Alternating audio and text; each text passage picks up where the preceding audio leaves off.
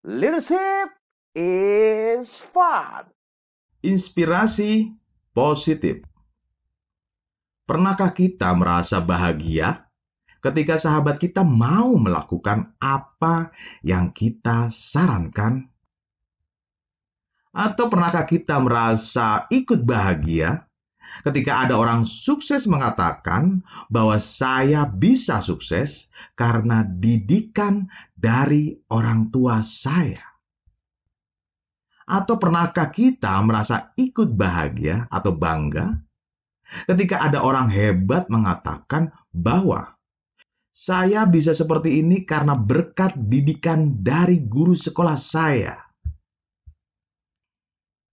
Ketika kita jadi sahabat yang baik, atau ketika kita jadi orang tua yang baik, atau ketika kita jadi guru yang baik untuk orang lain, dan orang itu ternyata mengikuti apa yang kita sarankan, atau kita menjadi inspirasi positif dalam hidupnya. Dan kemudian orang itu terjadi perubahan-perubahan positif yang luar biasa dalam hidupnya. Maka di hati kita timbullah perasaan damai, bahagia, bangga, dan terasa bermakna dalam hidup kita.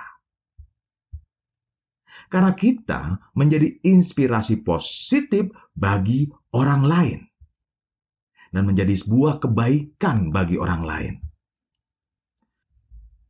Karena perasaan itu, kita menjadi lebih semangat untuk menjalankan kehidupan kita. Salah satunya dengan membuat karya-karya kebaikan yang bermanfaat untuk orang lain. Pertanyaan renungan kita bersama, guys.